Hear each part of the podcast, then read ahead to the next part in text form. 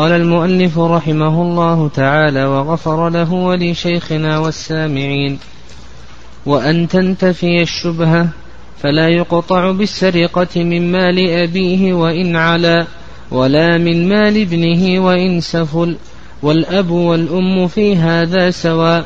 ويقطع الأخ ويقطع الأخ ويقطع الأخ وكل قريب بسرقة مال قريبه. ولا يقطع أحد الزوجين بسرقته من مال الآخر ولو كان محرزا عنه. وإذا سرق عبد من مال سيده أو سيد من مال مكاتبه أو حر مسلم من بيت المال أو من غنيمة لم تخمس أو فقير من غلة وقف على الفقراء أو شخص من مال فيه شركة له أو لأحد مما لا يقطع بالسرقة منه لم يقطع ولا يقطع إلا بشهادة عدلين أو إقرار مرتين ولا ينزع عن إقراره حتى يقطع وأن يطالب المسروق منه بماله. وإذا وجب القطع قطعت يده اليمنى من مفصل الكف وحسمت ومن سرق شيئا من غير حرز ثمرا كان أو ثمرا كان أو كثرا أو, كثرا أو غيرها أو غيرهما أضعفت عليه القيمة ولا قطع. آه، تقدم لنا القطع في السرقة. وذكرنا من شروط القطع وجود السرقة.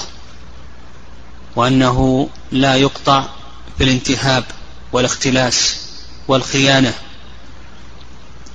إلا ما يتعلق بجحد العارية. فالمشهور من مذهب الإمام أحمد رحمه الله تعالى أنه يقطع بجحد العارية. وعند جمهور أهل العلم أنه لا يقطع وتقدم دليل كل. وأيضا تقدم لنا من الشروط النصاب. وأنه شرط خلافا للظاهرية وما قدر النصاب وأن قدر النصاب على المشهور مذهب الإمام أحمد إما ربع دينار أو ثلاثة دراهم أو عرض يساوي أحدهما. تقدم لنا أن الأقرب في ذلك أن المعتبر هو الذهب وأنه ربع دينار كما جاء في حديث عائشة. رضي الله تعالى عنها. لقول النبي صلى الله عليه وسلم لا تقطع اليد إلا في ربع دينار فصاعد فإذا سرق ربع دينار قطعت. إذا سرق من الفضة أو من العروض ما يساوي ربع دينار قطعت. إذا سرق أقل من ذلك فإنه لا قطع.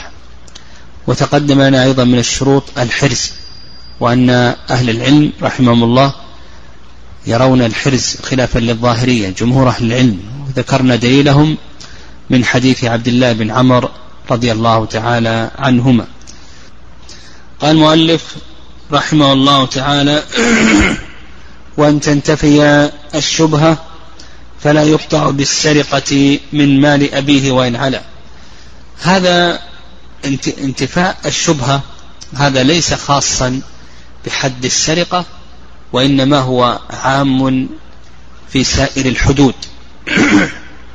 وتقدم الكلام على ذلك. تقدم أن عرفنا الشبهة وأن الشبهة عرفت بتعاريف منها ما يشبه الثابت وليس بثابت وأن الظاهرية لا يرون الشبهة خلافا لأكثر أهل العلم وأنه لم يثبت يعني في درء الحدود بالشبهات حديث عن النبي صلى الله عليه وسلم إنما ورد ذلك عن الصحابة عن عمر ثبت عن عمر وعن ابن مسعود رضي الله تعالى عنهما. تقدم الكلام على ذلك. قال فلا يقطع بالسرقة من مال أبيه. وإن نعم وإن على ولا من مال ولده وإن سفل. والأب والأم في هذا سواء.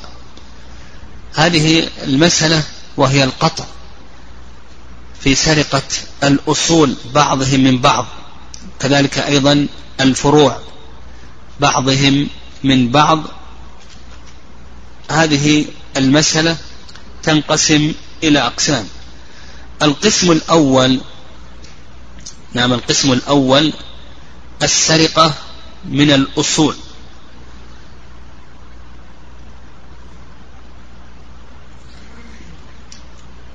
نعم. يقول القسم الأول سرقة الأصول.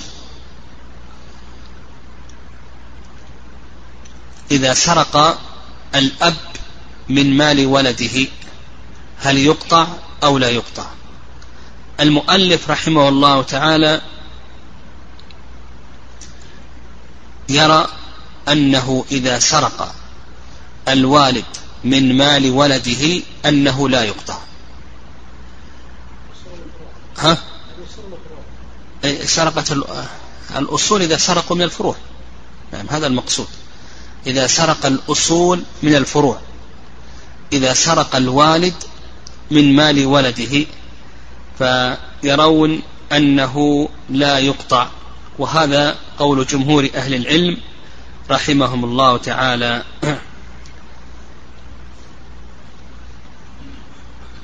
فإذا سرق الأصول وإن علوا.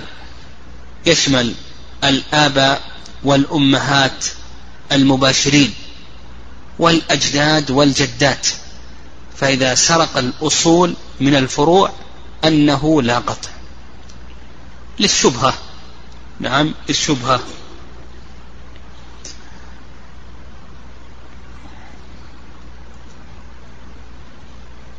والرأي الثاني والشبهة قول النبي صلى الله عليه وسلم أنت ومالك لأبيك ولأن الأصل له حق في مال ولده. الأصل له حق في مال ولده بالنفقة ونحو ذلك. والرأي الثاني أنه يقطع الأصول بالسرقة من الفروع وهو رأي الظاهرية لعموم الأدلة.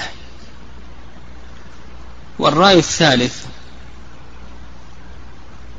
نعم الرأي الثالث أن الأب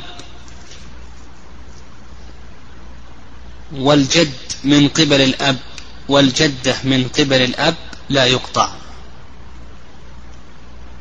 وأما ما عدا ذلك فإنه يقطع. هذا رأي الإمام مالك أن الأب لا يقطع.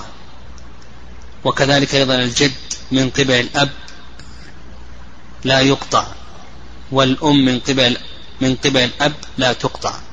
هذا رأي الإمام مالك رحمه الله لقول النبي صلى الله عليه وسلم في حديث عائشة أنت ومالك لأبيك أو حيث جابر وحيث عائشة أن النبي صلى الله عليه وسلم قال أنت ومالك لأبيك. والذي يظهر والله أعلم أن الأب لا يقطع إذا سرق من مال ولده لقول النبي صلى الله عليه وسلم أنت ومالك لأبيك.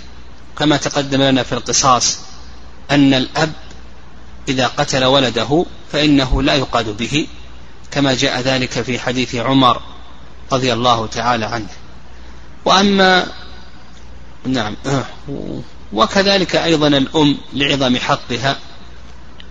وأما بقية الأصول عن بقية الأصول فالظاهر والله أعلم الظاهر والله أعلم أنهم يقطعون لعموم الأدلة نعم لعموم الأدلة. طيب بقينا في المسألة الثانية وهي ما يتعلق بسرقة الفروع من مال الأصول. نعم سرقة الفروع من مال الأصول. جمهور العلماء نعم جمهور العلماء أنه إذا سرق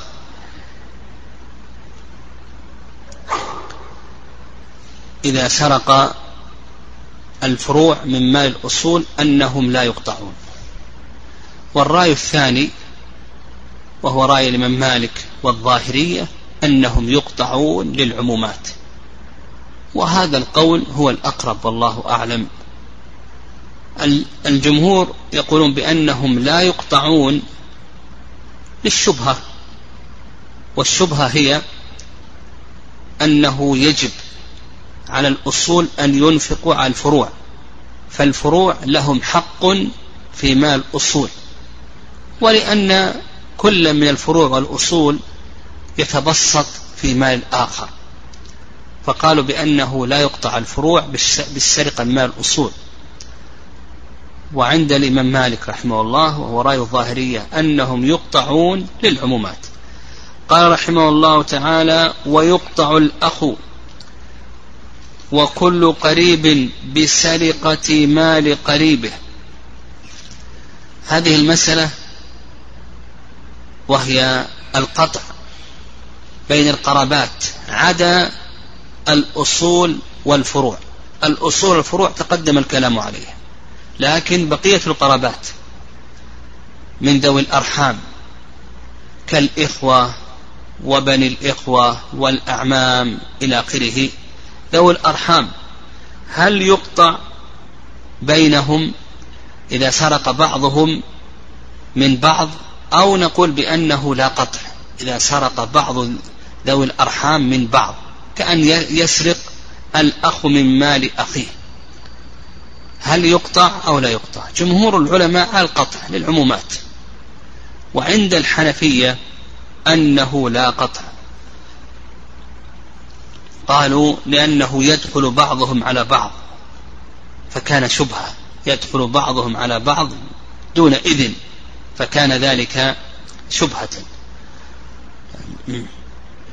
والصواب في هذه المسألة أن ذوي الأرحام إذا سرق بعضهم من بعض فإنهم يقطعون. قال ولا يقطع أحد الزوجين بسرقته من مال الآخر ولو كان محرزا عنه.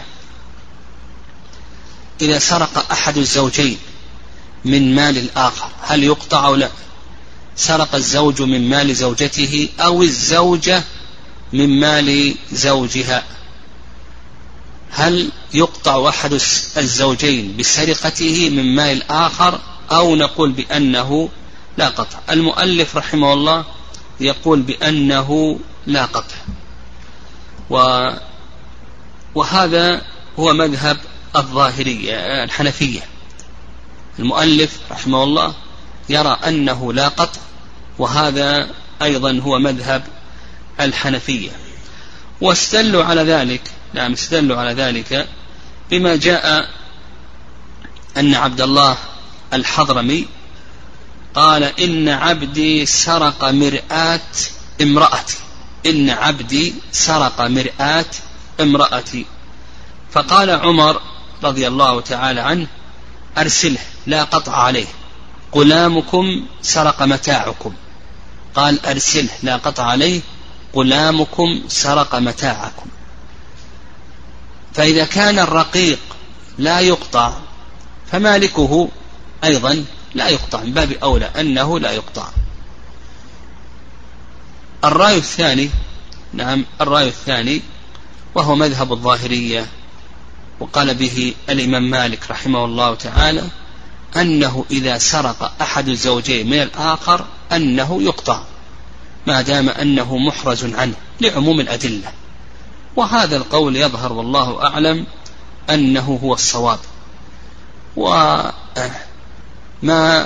جاء عن عمر في قصة عبد الله الحضرمي يظهر والله أعلم أنه ليس محرزا لأنه مرآة. والغالب أن المرآة هذه نعم أنها لا تكون محرزة.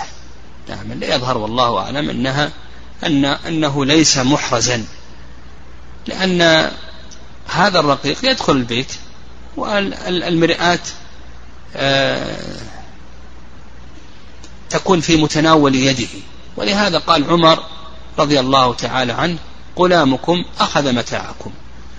قال وإذا سرق عبد من مال سيده أو سيد من مال مكاتبه فلا قطع. نعم. إذا سرق عبد من مال سيده. يقول المؤلف رحمه الله تعالى بأنه لا قطع لما تقدم نعم لما تقدم في قصة عبد الله الحضرمي وأنه ذكر لعمر أن رقيقه سرق مرآة امرأته. فقال عمر أرسله لا قطع غلامكم أخذ متاعكم. فيقول لك العبد إذا سرق من مال سيده فإنه لا قطع لما تقدم عن عمر رضي الله تعالى عنه. وهذا قول جمهور أهل العلم. نعم هذا قول جمهور أهل العلم رحمهم الله تعالى. وجاء أيضا عن ابن مسعود. نعم نعم أن أنه أن رجلا جاءه فقال عبد لي سرق قباء قباء لعبد لي آخر. فقال لا, لا قطع مالك سرق مالك. قال عبد لي سرق قباء عبد آخر. فقال ابن مسعود لا قطع مالك سرق مالك. والرأي الثاني رأي الظاهرية أنه يقطع. يعني رأي الظاهرية أنه يقطع. لأن للعمومات. وهذا يظهر والله أعلم أنه إذا سرق هذا الرقيق إذا سرق من مال السيد كان المال محرزا عنه يظهر أنه يقطع. قال أو سيد من مال مكاتبه. لأن الم... لا قطع لأن المكاتب رقيق ما بقي عليه درهم. المكاتب رقيق ما بقي عليه درهم. قال أو حر مسلم من بيت المال. نعم الحر المسلم إذا سرق من بيت المال. يقول لك المؤلف رحمه الله تعالى لا قطع. لأن هذا الحر المسلم ها له حق في بيت المال صح. هذا الحر المسلم له حق في بيت المال فكان ذلك شبهة. والرأي الثاني وهو قول الإمام مالك رحمه الله أنه يقطع وهذا القول هو الصواب. يعني الصواب في هذه المسألة القطع للعمومات كما هو رأي الإمام مالك رحمه الله تعالى. قال أو من غنيمة لم تخمس. نعم الغنيمة لم تخمس. يعني إذا سرق من غنيمة لم تخمس. الغنيمة نعم إذا سرق من غنيمة لم تخمس ويفهم من كلامه أنها إذا خمست أنه يقطع. لأنها إذا لم تخمس فلبيت المال فيها خمس الخمس. ها؟ وإذا سرق من بيت المال يقطع أو لا يقطع؟ لا يقطع. الغنيمة أولا تخمس تقسم خمسة أجزاء. يخرج الخمس الأول ها؟ ويقسم خمسة أجزاء. واعلموا أن ما غنمتم من شيء فأن لله خمسه وللرسول ولذي القربى واليتامى والمساكين وابن السبيل. الأربعة الأخماس الباقية هذه تقول لمن؟ ها؟ للغانمين. نعم تقول للغانمين. فإذا سرق من هذه الأربعة الأخماس الباقية فإنه يقطع. لكن لو سرق من الغنيمة قبل أن تخمس فإنه لا قطع. لماذا لا قطع؟ لأن لبيت المال خمس الخمس.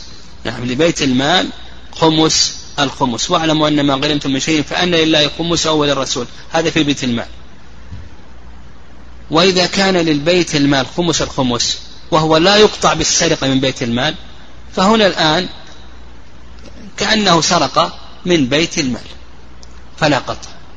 نعم وتقدم لنا أن الصواب أنه إذا سرق من بيت المال أنه يقطع وهو رأي الإمام مالك رحمه الله للعمومات.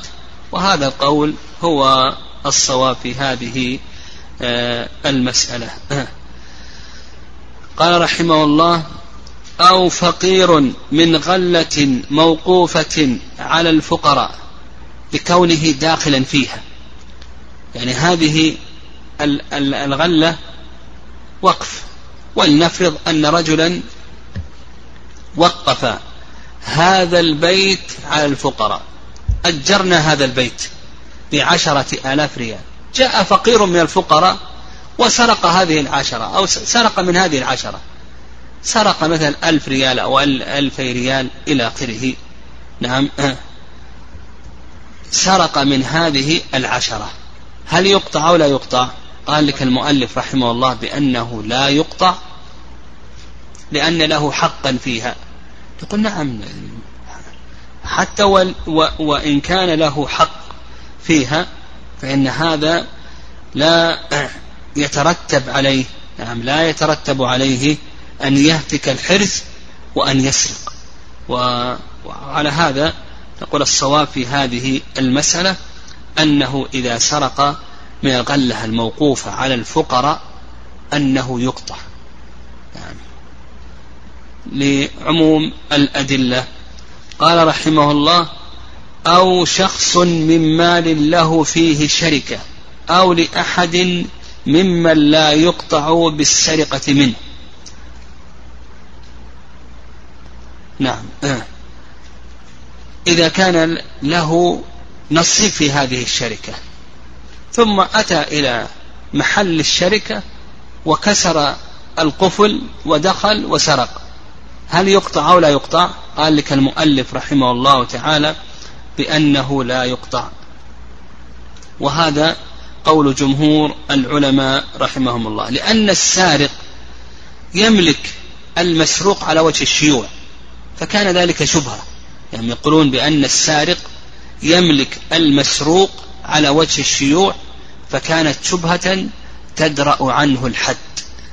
وهذا كما تقدم نعم و الرأي الثاني والله أنه يقطع رأي الظاهرية نعم أنه يقطع للعمومات.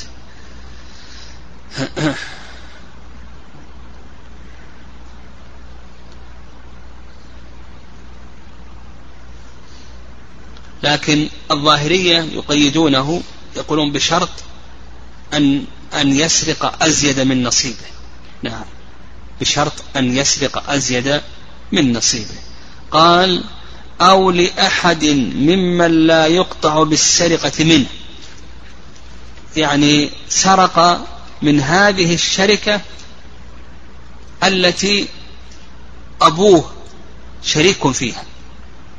في الصورة الأولى هو شريك فيها لكن في الصورة الثانية أبوه شريك فيها.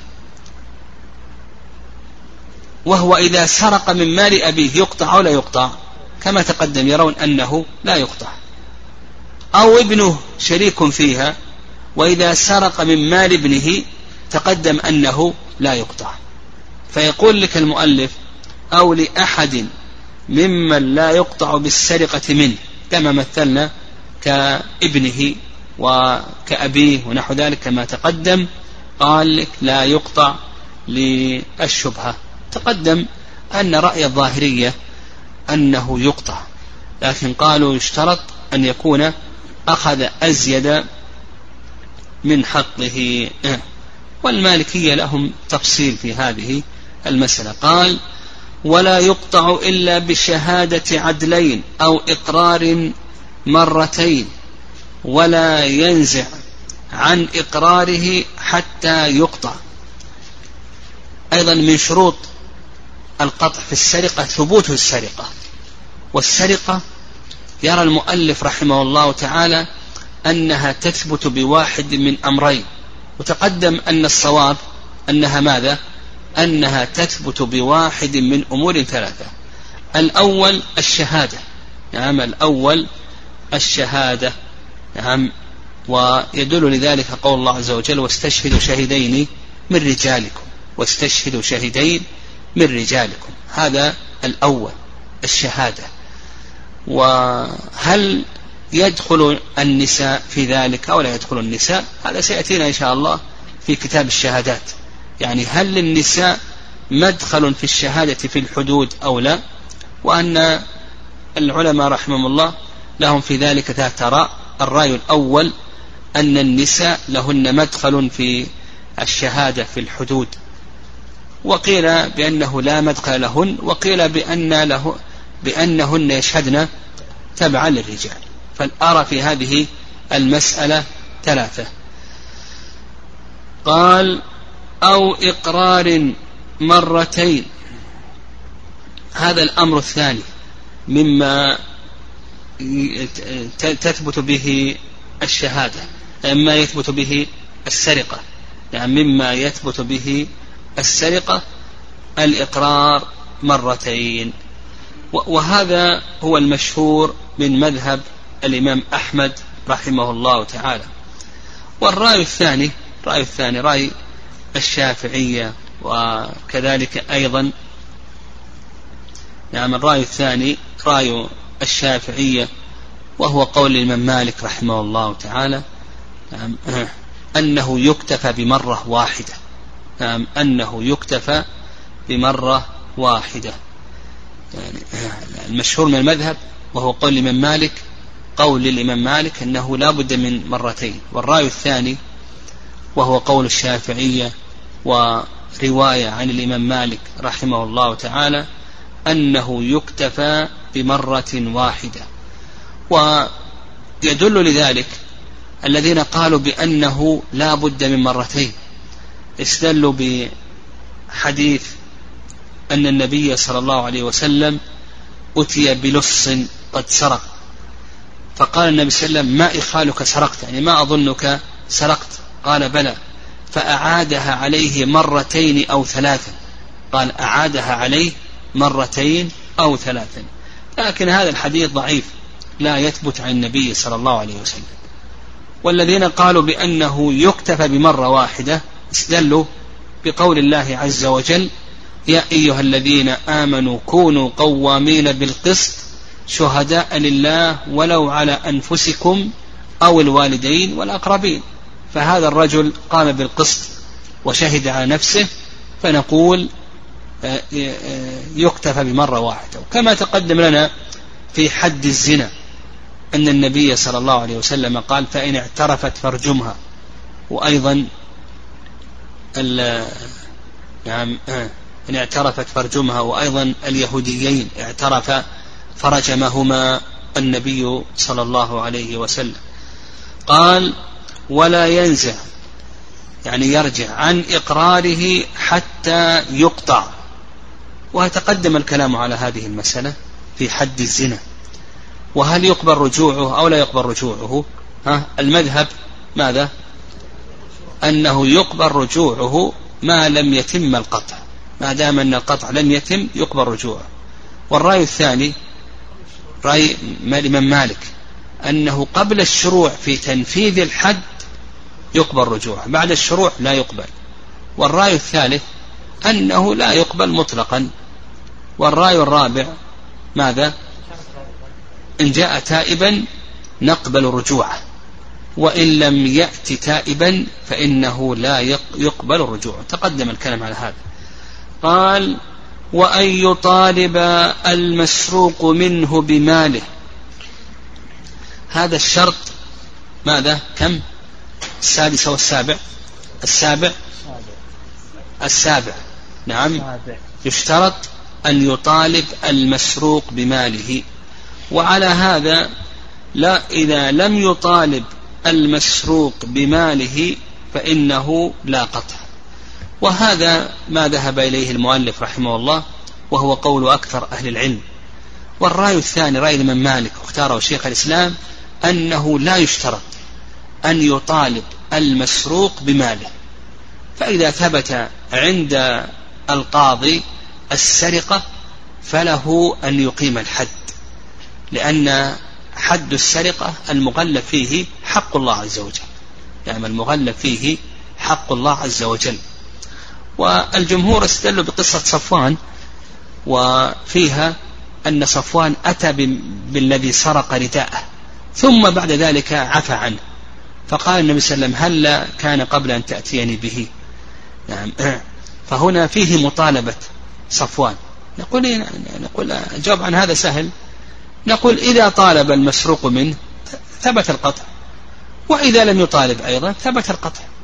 يعني كونه طالب وقطع لا يمنع من أنه إذا لم يطالب أنه يقطع أيضا. نعم. فالأقرب في هذه المسألة أنه لا يشترط لا تشترط مطالبة المسروق منه بماله. فإذا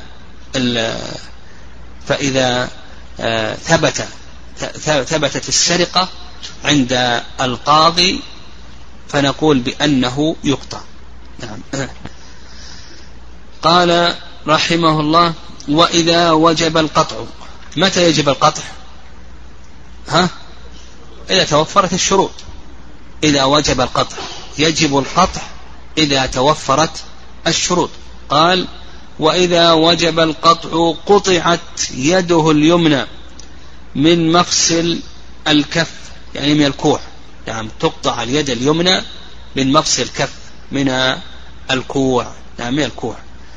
ويدل لهذا نعم قول الله عز وجل فاقطعوا أيديهما واليد.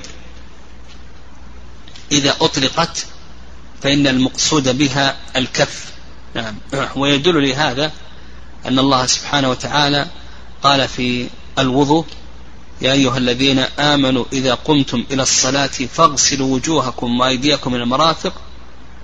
قال وأيديكم إلى المرافق.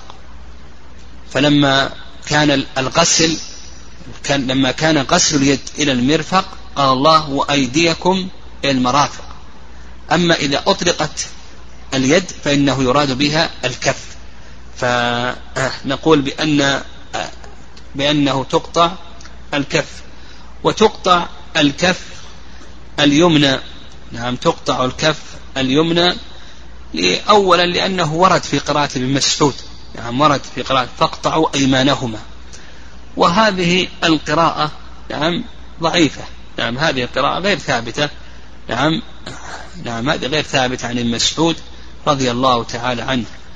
ولأن هذا وارد عن الصحابة رضي الله تعالى عنهم. نعم هذا وارد عن الصحابة رضي الله تعالى عنهم. نعم وعن أبي بكر رضي الله تعالى عنه. وكذلك أيضا وارد عن عمر. وإن كان الأثر الوارد عن عمر ضعيف. نعم. الأثر الوارد عن عمر ضعيف. ويدل لهذا أيضا قول الله عز وجل في المحاربين كما سيأتينا إنما جزاء الذين يحاربون الله ورسوله ويسعون في الأرض فسادا أن يقتلوا أو يصلبوا أو تقطع أيديهم وأرجلهم من خلاف. وقطع اليد والرجل من خلاف تقطع اليد ها اليمنى والرجل اليسرى. إذا كان خلاف نعم اليمنى مع اليسرى. طيب المهم أن تقطع اليد. قال من مفصل الكف. وحسمت الحسم في اللغة القطع. وأما في الاصطلاح فهو كي موضع القطع بالنار أو بالزيت لكي تستد العروق لئلا ينزف الدم. فنقول كي موضع القطع بالزيت أو نعم بالزيت المغلي لكي تستد العروق فينقطع الدم. والآن الآن بعد تقدم الطب لا حاجة إلى مثل هذا. فتعالج الجرح هذا يعالج الآن بالخياطة والأدوية والحقن التي تمنع من نزيف الدم. قال طيب قال رحمه الله ومن بس ما ذكر. طيب إن عاد. نعم إذا عاد وسرق مرة أخرى هل يقطع أو لا يقطع؟ نعم إذا سرق مرة أخرى هل يقطع أو لا يقطع؟ جمهور العلماء أنه يقطع. والرأي الثاني وذهب إليه عطاء أنه يقطع في المرة الأولى فقط ولا يقطع بعد ذلك. هذا ما ذهب إليه عطاء والرأي الثاني رأي جمهور أهل العلم أنه يقطع لأن هذا وارد عن الصحابة رضي الله تعالى عنهم. يعني هذا وارد عن الصحابة رضي الله تعالى عنهم. الأئمة يتفقون على أنه يقطع في الثانية لكنه لكنهم يختلفون في الثالثة كما سيأتينا إن شاء الله. على كل حال القطع في الثانية هذا نقول بأنه وارد عن الصحابة رضي الله تعالى عنهم. فقد ورد عن عمر رضي الله تعالى عنه أنه قطع يد رجل بعد يده ورجله. قطع يد رجل بعد يده ورجله. وكذلك أيضا ورد عن أبي بكر رضي الله تعالى عنه. نعم. أن أنه أراد أن يقطع رجلا بعد اليد والرجل. أراد أن يقطع رجلا بعد اليد والرجل. فقال عمر السنة اليد. يعني أنه يقطع اليد بعد اليد والرجل. هذا يدل على أنه قطع ماذا؟ قطع الثانية وقطع الثالثة. يعني قطع الثانية وقطع الثالثة. على كل حال الأئمة يتفقون على وجود القطع في الثانية. لكن القطع آه نعم وجود القطع في الثانية. وعطى يرى أنه لا قطع إلا في الأولى. طيب ما الذي يقطع في الثانية؟ تقطع الرجل اليسرى. بقول الله عز وجل إنما جزاء الذين يحاربون الله ورسوله ويسعون في الأرض فسادا أن يقتلوا أو يصلبوا أو تقطع أيديهم وأرجلهم من خلاف. والقطع من خلاف ماذا؟ نعم بعد اليمنى أن تقطع اليسرى. وكيف تقطع اليسرى؟ نعم كيف تقطع اليسرى؟ هل تقطع من مفصل الكعب أو تقطع من ظهر القدم من معقد الشراك بحيث يبقى العقب؟ نعم يبقى العقب لكي يطأ عليه لكي تعتدل مشيته. للعلماء رأيان. الرأي الأول أنه يقطع من مفصل الكعب بحيث تقطع جميع الرجل. نعم جميع الرجل. مفصل الكعب جميع الرجل تزول. هذا الرأي الأول. والرأي الثاني نعم الرأي الثاني أنه لا يقطع من مفصل الكعب وإنما يقطع من ظهر القدم من معقد الشراك بحيث يبقى آه العقب نعم بحيث يبقى العقب آه يطأ عليه. يعني بحيث يبقى العقب يطأ عليه. وهذا يظهر والله أعلم أنه أقرب في هذه المسألة. نعم أن المشهور من المذهب أنه يقطع من مفصل كعبه. نعم بحيث أنها تشال جميع الرجل. نعم لكن يظهر والله أعلم لكي تعتدل مشيته أنه يقطع من ظهر القدم بحيث يبقى العقب هذا العقب يبقى لكي تكون المشية معتدلة. طيب. طيب إذا عاد في الثالثة وسرق هل يقطع أو لا يقطع؟ المشهور من المذهب أنه لا قطع. يعني يقطع في الثانية. إذا عاد في الثالثة لا يقطع. هذا المشهور من مذهب الإمام أحمد رحمه الله. طيب ماذا يفعل به؟ قالوا يحبس إلى أن يتوب. ويحرم أن يقطع. وهذا هو المشهور أيضا هذا أيضا هو قول الحنفية. والرأي الثاني رأي المالكية والشافعية أنه إذا سرق في الثالثة نقطع يده اليسرى وإذا سرق في الرابعة نقطع رجله اليمنى. هذا المشهور من مذهب الشافعية والمالكية.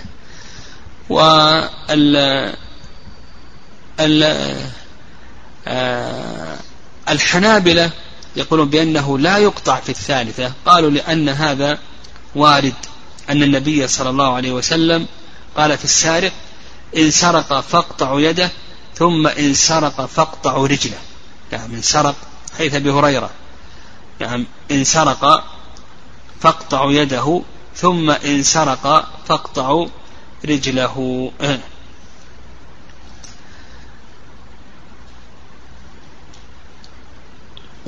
ولم يرد أكثر من ذلك.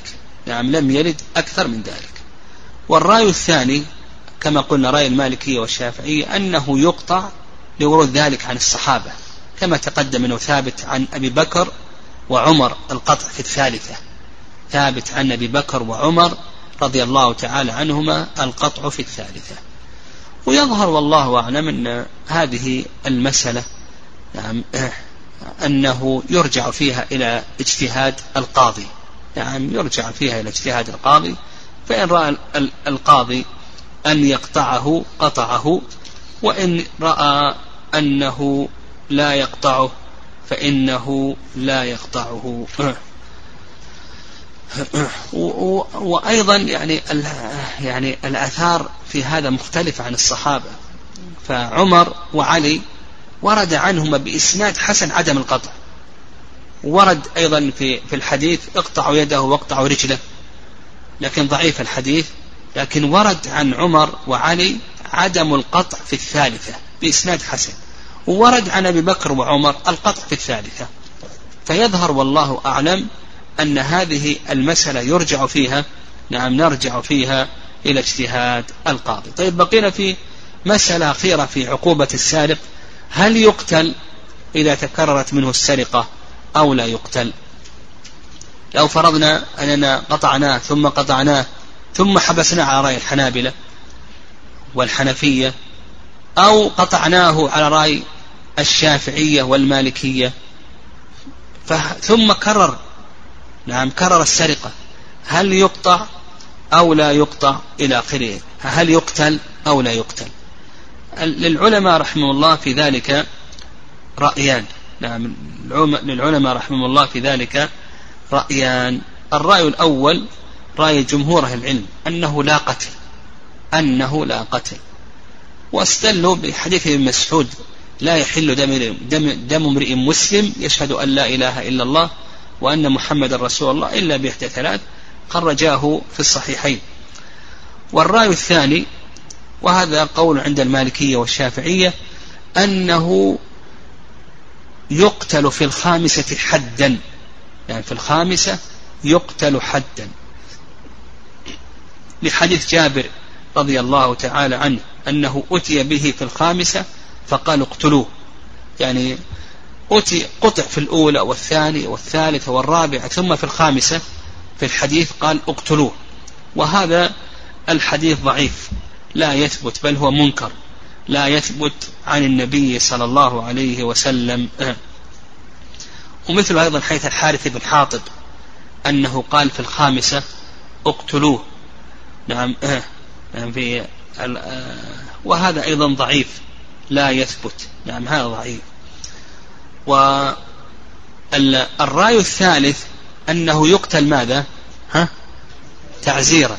نعم وهذا قول قول شيخ الإسلام تيمية رحمه الله. تقدم أن الأصل الذي بنى عليه نعم دفع الصائل. نعم أنه يقتل تعزيرا دفع الصائل دفعا. والأصل الذي بنى عليه كالصائل. فإن الصائل يدفع بالأسهل فالأسهل. إذا لم يندفع إلا بالقتل يقتل. وهذا إذا لم يندفع بالعقوبات المقدرة نعم لا يندفع شره إلا بالقتل فإنه يقتل. قال رحمه الله ومن سرق شيئا من غير حرز تمرا أو كثرا أو غيرهما أضعفت عليه القيمة ولا قطع. نعم. إذا سقط القطع لتخلف شرط أو لوجود مانع. نعم إذا سقط القطع بتخلف شرط أو لوجود مانع. نعم أو لوجود مانع.